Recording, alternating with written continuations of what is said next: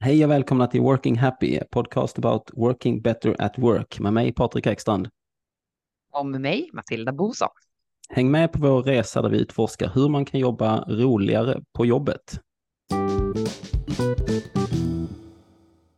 Nu kör vi. Nu kör vi. Hej Matilda! Hur är läget idag? Men det är bra. Jag är extremt eh, peppad och lite nervös. Vad är du nervös för? Du? Titta.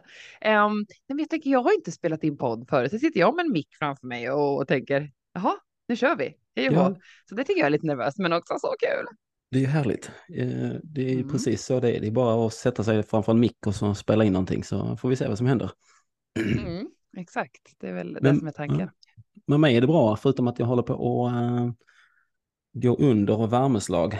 Uh, jag sitter i ja. lägenheten har supervarmt och jag var ju tvungen att stänga alla dörrar och fönster så man inte får in uh, oljud i uh, inspelningen. Så att...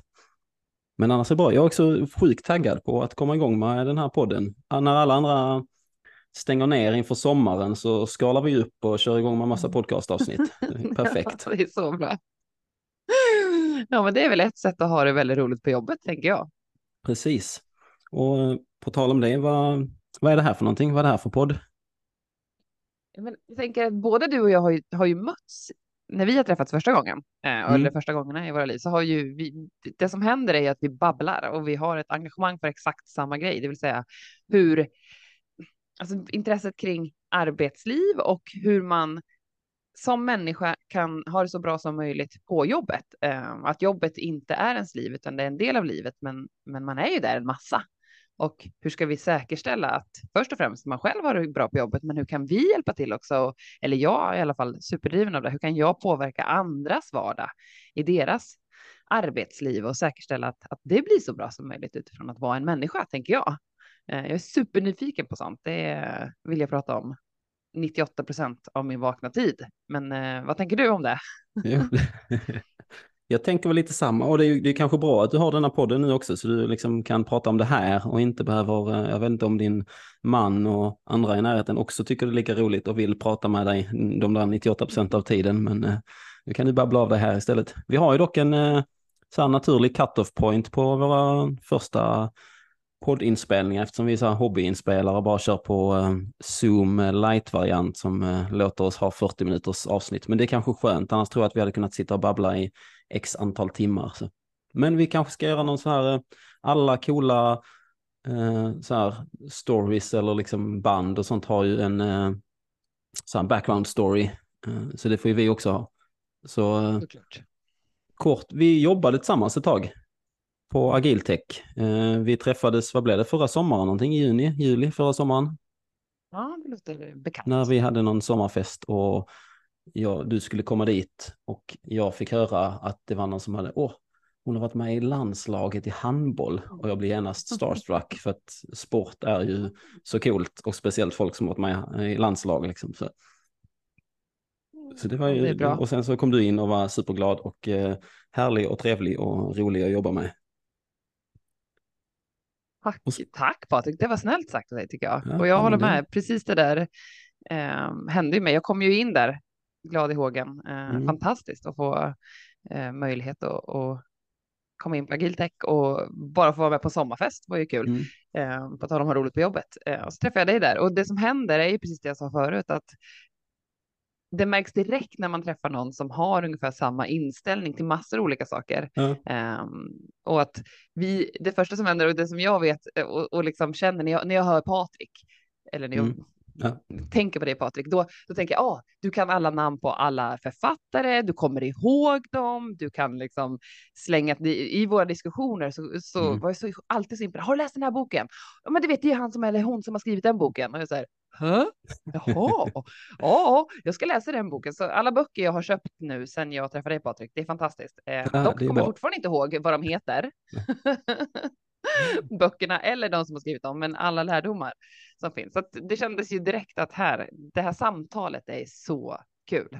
Ja, och det, sen var det ju mer eller mindre en, av en, lite av en slump att uh, vi startade den här podden tillsammans, för det var väl jag som hade väl en tanke på att någon gång i framtiden starta en uh, konsultbyrå, egen konsultbyrå och så tänkte jag så här, jag förstår inte varför man fortfarande envisas med att jobba på sätt som man gjorde i början på 1900-talet eller så när man stod vid, en, eh, vid ett band och producerade saker. För då spelar ju tiden roll. Du kan ju troligtvis slå i fler spik om du står vid ett band eller så här i åtta timmar eller tio timmar än om du står där i två timmar. Men så länge man ska tänka på saker så gör man ju kanske det lika bra eller kanske till och med bättre på stranden än om man sitter på ett kontor framför datorn. Så att det är väl liksom resultatet och så här. Och så börjar jag tänka på vilka olika roliga företag det finns i, i världen som man kunde inspireras av både i Sverige och utomlands. Och sen tänkte jag att, men vänta, om jag istället för bara höra av mig till dem och fråga om jag kan få prata med dem själv, så tänker jag då kanske man kan göra en podd av det. Och sen pratar vi om det och så hade du fått en ny tjänst och så bara, ja men det är precis vad jag också är intresserad av. Så, och så eh, vis av erfarenhet så kände jag att eh, det är mycket roligare att ha en podd tillsammans med någon annan än att göra det själv. Så joinade du och hoppade på, det var ju perfekt. Ja, men det finns ju någon supergammal barndomsdröm hos mig också, att få sitta och prata med en mick. Alltså jag föreläser ju en, en del och jag tycker att det är mm. världens bästa grej. Och egentligen, jag tänkte på det idag, jag kom på att när jag var liten, då spelade jag ofta in radioprogram, 105 on 7 och sånt där har jag ju hittat mm. kassettband. Så nu kanske jag har hittat någon sorts eh, gammal barndomsdröm att få sitta här och snickesnacka och fixa och dona. Så det känns jättespännande. Och jag älskar också din perfekt. tanke kring va? varför ska du prata med dem över lunch? Kom och prata med folk i podden. Och vem älskar inte poddar? Jag älskar poddar. Älskar du poddar, Patrik? Jag älskar definitivt poddar. Jag lyssnar på alldeles många poddar, tycker jag. Så att, det blir ett gäng poddar om dagen. Det finns ju framförallt för många poddar också, så eh, det är ju lite roligt att jag sitter och säger det i ytterligare en nystartad podd här med oss. Men eh, vi får väl se. Förhoppningsvis finns det väl något litet intresse för den. Ja, men poddar tar ju slut också tänker jag. Så tar vi vidare. Någon annan intressant podd har tagit slut så kan vi eh, bidra med vårat inspel här i, i livet och våran syn på. Jag menar, de flesta människorna måste ju vara rätt intresserade av att ha så roligt som möjligt på jobbet. Precis. Utan att de vet om det ens. Ja, det får man ju hoppas. Och det är också så här. Jag tänkte igår, jag är ju lite radikal skulle jag inte säga, men eh, jag tycker att det är roligt för att, för att man ska få till någon förändring så tycker jag att man behöver tänka, istället för att tänka till mitten så behöver man tänka 100% åt andra hållet. För att annars händer inte något. Så jag tänkte bara, fasen, om man bara ska sluta mäta allt, alltså, eller i alla fall saker som man kan kvantifiera. För att allting som man kan kvantifiera är ju mest troligt onödig mätning. Typ liksom siffror, bara, men det som man kan kvalitetsmäta kanske är liksom bättre. Så bara sluta, bara lägg ner allt, bara ta bort alla KPI och allting och bara lägg ner, sluta, mät. Fråga folk istället. Det där tycker jag är så, exakt, för det där tycker jag är så spännande, för vad ger mätetal? Är det verkligen, för att jag tänker att man mäter ju så, jag älskar att ta bort mättalet, men att mm. man mäter ju saker för att säkerställa att man gör rätt grejer. Men hur mm. vet man att det man mäter är rätt grejer? Nej, och om man börjar sätta mått på saker, då blir människor i allmänhet väldigt fokuserade på att mäta mot något sorts mål som inte alltid är vä alltså värdeskapande, utan mer fem, jag vill ha sju istället för fem. Jaha, och då, då, är det inte säkert att det föder alls rätt beteende. Precis. Så jag, jag, är helt för eh, fråges, någon, eh, ifråges, alltså, frågeställandet kring, eller frågasättandet av mätning. Ja, Vad det finns ju något gammalt energi? företag, eh, eller jag vet inte om de finns kvar, jag tror de blev uppköpta av eh, Amazon för massa år sedan. Ett företag som heter Sappos, jag vet inte, med Z, jag vet inte om du känner till dem jobbade med, de, de sa väl egentligen att de var ett kundtjänstföretag, men de jobbar med skor tror jag det var, om jag inte minns helt fel. Och de hade Tony Tsei, heter han som skapade, som tragiskt eh, nog eh, gick bort för några år sedan alldeles för tidigt. Men i alla fall, de hade ju, jag tror att det här stämmer i alla fall, jag kommer inte riktigt ihåg, men jag för mig att de hade i, alltså så här när, de, när folk ringde in till deras kundtjänst så det spelar inte någon roll om det var så här, ah, ja ah, men ditt telefonsamtal får bara ta fem minuter eller tio eller en kvart eller sånt, utan det var gör kunden nöjd, punkt. Ja. Och om det tog fyra timmar eller om det tog en kvart eller fem minuter eller så, det spelar inte någon roll. Utan kundnöjdhet. Det och det kan man ju inte... Spännande. det kan man inte mäta på samma, för då kan du inte mäta, okej, okay, ja men du har gjort fem samtal idag och den här personen bredvid har haft ett samtal i åtta timmar. Vem är då liksom?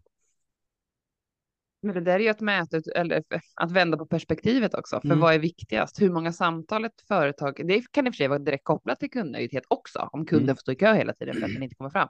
Men hur, alltså, vart, vart finns nöjdheten? Hos kunden eller i antalet eh, kunder som, som hänger med? Men jag tycker ju också att mätet, alltså att mätandet kan få som motsatt effekt på individers, vad ska man säga, eh, individers eh, eh, vad heter det, när man presterar, prestation. Ja. Mm. Jag har ju upplevt i min handbollsvärld, det kommer ju bli en del handbolls... Ja. Ehm, det ser vi fram emot. referenser, ja. Eh, frågan Kanske någon handbollsspelare Men, som gäst också i framtiden. Ja, det hoppas jag verkligen. Herregud, det finns ett hav av genier. Um, inte alls partisk. Men um, jo, då har jag ju spelat med ofantligt duktiga spelare och som ni vet var den som gör sista målet. Ja. Men sen börjar vi i en period i mitt liv som handbollsproffs då eh, mäta extremt tydligt hur många skott man skjuter varje match, hur många mål man gör, eh, hur många övertramp man gör. Men, du vet, mm, man fick ja. statistik på allting. Och det som hände med den absolut bästa spelaren när hon fick sitt svart på vitt så blev ju hon sjukt mycket sämre, för hon blev ju livrädd. För istället för att hennes mindset var jag ska göra mål, mm. det sista som hände, och det var alltid hon som gjorde sista målet, det var hon som såg till att vi vann. Ja. Eh, oavsett om hon hade skjutit 12 eller 15 skott på matchen så sköt hon sista skottet och hon gjorde mål. Hon slutade ju skjuta det där sista skottet för hon lärde sig att hon inte var något bra genom att titta på sin egen statistik. Då blev mm. ju mät mätandet blev ju helt konstigt. Kanske hon kunde reflektera över att hon kan skjuta lite mindre. Men samtidigt så fick hon så fruktansvärt dåligt självförtroende så att hon blev en så mycket sämre handbollsspelare på grund av det här. Så jag tycker att man får vara försiktig med sitt mätande i alla fall eh, och reflektera över vart det är värt. Ja, verkligen. Och inte bara mäta saker. Alltså, det är oftast, tycker jag, att man reflekterar över saker. Att okej, okay, det här mäts för att det är enkelt och när mm. det mäts så tillskrivs det ett värde. Och sen blir det som du säger, så mäter man fel grejer och så har man inte tänkt på det tidigare och sen så blir det att man rusar efter fel saker istället för att leverera värde eller producera någonting bra eller se till så att någon är glad och nöjd så försöker man ja. fånga upp det i i de här mätetalen. Det är ungefär som att vara datadriven. Det är toppen på massa ja. olika sätt, men det är också, men ibland kan det bli helt fel, för då går vi ifrån den här mänskligheten av att det faktiskt finns en känsla. Såklart att det finns massor med bra saker med det, men mm. man ska också vara medveten om att det kan skapa någonting helt annat. Det är inte bara bra eller värdefullt för att det går att mäta. Det är som inte det, om det går att mäta eller inte, ska inte vara det som avgör om, om det är det vi går efter eller inte, utan det måste ju vara någonting, Nej, någonting helt annat. Och det ja, som du frågade om... det hör ju du. det som du frågade om innan, eller så här, det som du tog upp innan lite, det här med varför man, alltså visst, det blir ju den här käns känslan inom citationstecken av kontroll. Alltså att man, oh men nu har jag sån koll på allting, fast det har man ju oftast, det blir liksom en, och den kan ju vara till och med farligare, att man tror att man har kontroll på saker. Mm. Man men, herregud, och kan vi ha kontroll? Ska vi ha kontroll? Ska vi ens ja. sträva efter kontroll? Det är väl en fantastisk fråga. Jag lyssnar på Svante Radler, eh, en annan poddare och eh, mm. fantastisk föreläsare eh, för några veckor sedan. Han pratade om ordet learnability och jag mm. går ju igång något så otroligt på det. Ehm, det finns ju massor med olika fantastisk forskning gjord på massor med olika saker. Men, men just det han pratade om var det här nya sättet att lära. Vad behöver vi för individer i våra organisationer och vad för typ av kunskap är viktig? Och då ja. pratade han just om learnability, att förmågan att lära om. Ja. Det är det som är superviktigt, för det kommer gå så fort och då att behöva ha kontroll är det kommer bli så jobbigt för oss. Vi kommer inte ha någon kontroll, så vi måste öva oss på att inte ha kontroll och må bra i det. Och vad behöver vi då omkring oss? Precis. Bra relationer, eh, människor som bryr sig och så vidare. Sånt vi inte kan riktigt mäta på det. Vi kan inte ha pro prognoser, forecasts. Hur långa ska de vara? Hur mycket tid ska vi lägga på det? Precis, det är det som man också ser, alltså just när det kommer till osäkerhet eller liksom att det, det blir farligt eller någonting så det bästa sättet är ju egentligen att öppna upp sig ännu mer, alltså att bli mer flexibla. Eftersom vi, okej, okay, nej men vi vet inte, vi behöver vara förberedda för de här sakerna. Istället för att man som många gör, både företag och rent mänskligt, så gör man liksom, mm. då blir det så osäkert. Så bara, nej men oj, vi sluter oss ännu mer, vi gör samma sak som vi mm. alltid gjort och så blir vi liksom en, en stor betongklump som rasar av ett jordskalv eller någonting. Men verkligen, och det blir ju egentligen ska man möta osäkerhet med ännu mer osäkerhet. Mm. Ja. Alltså, fast det är ju världens läskigaste grej, att gå från att inte riktigt förstå vad som händer till att öppna upp ännu mer för möjligheten att för inte ha kontroll. Det är ju verkligen som du säger, gud vad jag har sett många gånger att man slash jag gör mm. precis tvärtom. Genom, alltså för att jag försöker skapa kontroll. Mm. Nu är det osäkert, då ska jag fylla i mina Excel-ark eller jag ska göra en ännu tydligare plan. Jag ska lägga ännu mer tid på planering. Um, men, ja, det, men det, det blir ändå inte så. Det är lite samma sak som när man, alltså om man nu kopplar till människor eller enskilt eh, individperspektiv, att lite det här med att ja, ja, men vi ska planera oss genom osäkerheten. Det är lite samma som, mm. som jag själv också gjort många gånger med det här, ja, men jag vill bli, jag vill stärka min, eh, ja, så här, jag vill bli mer mentalt starkare. Och så sätter man sig och läser massa böcker om mm. att bli mentalt starkare.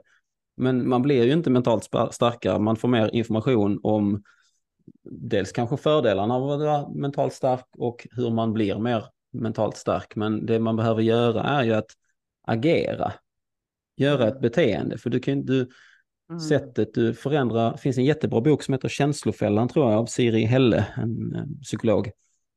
Hon... Jag tror, den har jag nästan köpt.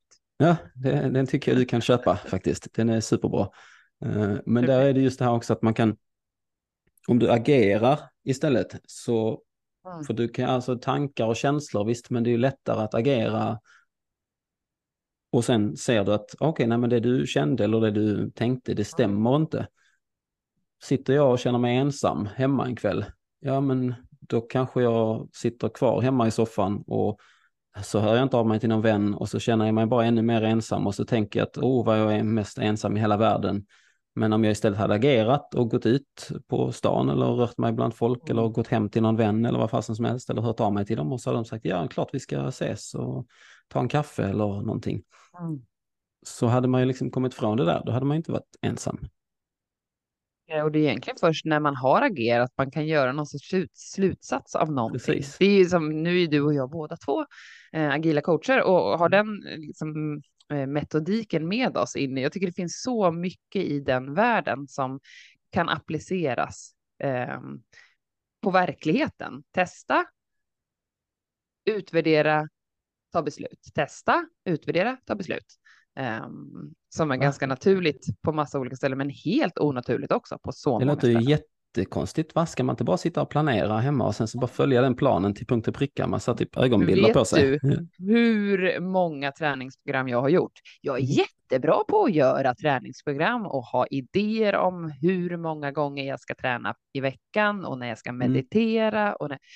Problemet är bara att det är ingen människa som kommer dyker upp på träningsprogramstiden. Eh, eh, Nej. Den människan är någon annanstans och planerar väl något annat då, vad vet jag? Istället för att bara så här, ja men det är den här, jag, på måndag, på måndag, då börjar jag, då, då där, och ja, men perfekt. Istället för att, när jag sitter där, gå ut och spring människa. Nej, har fortfarande inte Precis. hänt. Så det är väl en, ja, det, det planer, planer är jättebra. Alltså det, det är mm. bara det att det är fel på verkligheten. Alltså det är liksom verklighetens fel att inte planerna funkar. Så hade vi bara haft planerna och kunnat förhålla oss till det så hade det varit superbra. Men det är den där jäkla verkligheten som kommer att förstöra allting liksom och människor och sånt där. Ja, det är jobbigt, mm. kan de inte bara, nu har vi en plan här, nu ska vi mm. lyda den istället för verkligheten. Det var som, jag tror det var på min, eh, någon gammal arbetsplats, eh, tror jag i alla fall, där, vi, men, där man tog det här med att om man ska cykla, alltså vilket som är, antingen sitter man hemma och så, sit, eller, så sitter du och så skriver du ner på en lapp liksom att ja, men jag ska cykla 50 meter rakt fram, sen ska jag svänga till vänster och så ska jag cykla tre meter dit. Och sen så ska jag svänga till höger och så ska jag cykla fem meter dit. Och sen så ska jag köra till vänster en meter och sen så till höger igen och så fortsätta 100 meter rakt fram. Och sen så tar jag på mig en ögonbindel och så bara kör jag iväg och följer den kartan exakt. Eller så kan man också bara sätta sig på cykeln och sen ta in omgivningen och så agerar man efter det. Så bara det kanske en det är kanske ett hål i, i vägen eh, två meter fram. Det kanske jag borde styra om. Det gör jag inte om jag har den här planen som jag förhåller mig till. Det är så spännande. Jag har ju upplevt det där nästan rent fysiskt en mm. gång, eh, precis efter min handbollskarriär. Gud, mm. undrar hur många gånger jag kommer säga handboll i den här podden. Eh, då, det är ju en ganska strukturerad livsstil. Du är ju ganska begränsad i dina egna val, förutom att du just har valt handboll. Ja, ja. Um, och det är det som din, din mentala kapacitet också används till, vilket är fantastiskt. Men, uh, men då hade jag slutat i alla fall. Uh, ett gäng kompisar och jag drog till uh, Frankrike, bilade runt. Bara det, att man kunde göra det när som helst var ju helt mindblowing. Uh, och sen så stannade jag kvar själv i Paris i två dagar. Alltså helt ensam. Det var ju mm. jätte jag, men jag har väl levt i lag i hela mitt liv. Och när jag har rest, alltså, var helt själv, jag, det är ju andra som bokar biljetter och bestämmer vad jag ska äta och sånt där. Jag är ju bra på att hänga med. Men då var jag helt själv i Paris. Och det som hände var att det var, det var helt magiskt, för plötsligt kunde jag gå i Paris och tänka så här, oh, vilken mysig gränd, den går in i. Och det var som att jag stannade upp så ofta och tittade mig lite runt och, och tänkte så här, va? Va? Vänta, jo, jag känner för att gå höger då går jag höger. Alltså de två dagarna, åh, oh, jag kan sätta mig här. Ja, ja, jag vill ha en kaffe nu. Jag tar en kaffe nu. Alltså det var helt, det var så häftigt att få, att, få känna inåt och välja utifrån det. Mm. Jag förstår att man inte alltid kan göra så, men som människa är ju det här helt otroligt faktiskt att få uppleva i 30-årsåldern. Ja, ja, ja. att, att ta egna val och se vad som händer och go with the flow lite grann. Eh, jag förstår ju igen, alltså kopplat till arbetslivet och, och, att vi är många fler som ska vara med på en resa så, så är det ju kanske lättare sagt än gjort, men det är ju väldigt spännande att, att kasta sig in i den tanken. Vad händer? Precis. Eh, om man skulle öppna upp. Men där är det ju, alltså då kan man, alltså om man ser på det som på ett, alltså för det är många som har det så på jobbet att de inte kan, alltså om man nu tar den metaforen, att man inte kan gå och sätta sig i den gränden, utan nej, men nu måste vi gå exakt här. För att om man istället hade då styrt det till att, ja men vi ska ha två härliga dagar i Paris. Och det är, vi som jobbar på det här företaget ska ha två härliga dagar i Paris, det är det som är vårt mål. Ja men då kan man ju göra lite vad man vill och så teamar man upp med någon som bara, nej men eh, ska vi gå och sätta oss här och um, ta en latte eller någonting. Uh, och, och så gör man det. Eh, och sen så, ja, lite så här aligned autonomy som det så fint heter, som vi säkert kommer att prata mer om. Och det här med eh, cykeln och följa planen får man också tänka på, eh, vad heter han, Bjarte Boksnäs, va? Som har det här, vad heter det, Beyond Budgeting. Han måste vi också få in som gäst någon gång tycker jag. Jag ska absolut köpa hans senaste bok. Där om just, ser du Patrik jag kommer ju prata jättemycket om handboll och du kommer säga jättemånga namn. Jag kommer namedroppa massa konstiga människor. Ja. Precis. Men eh, nu ser jag att vi, vi har snart eh, använt eh, vår skojiga tid här.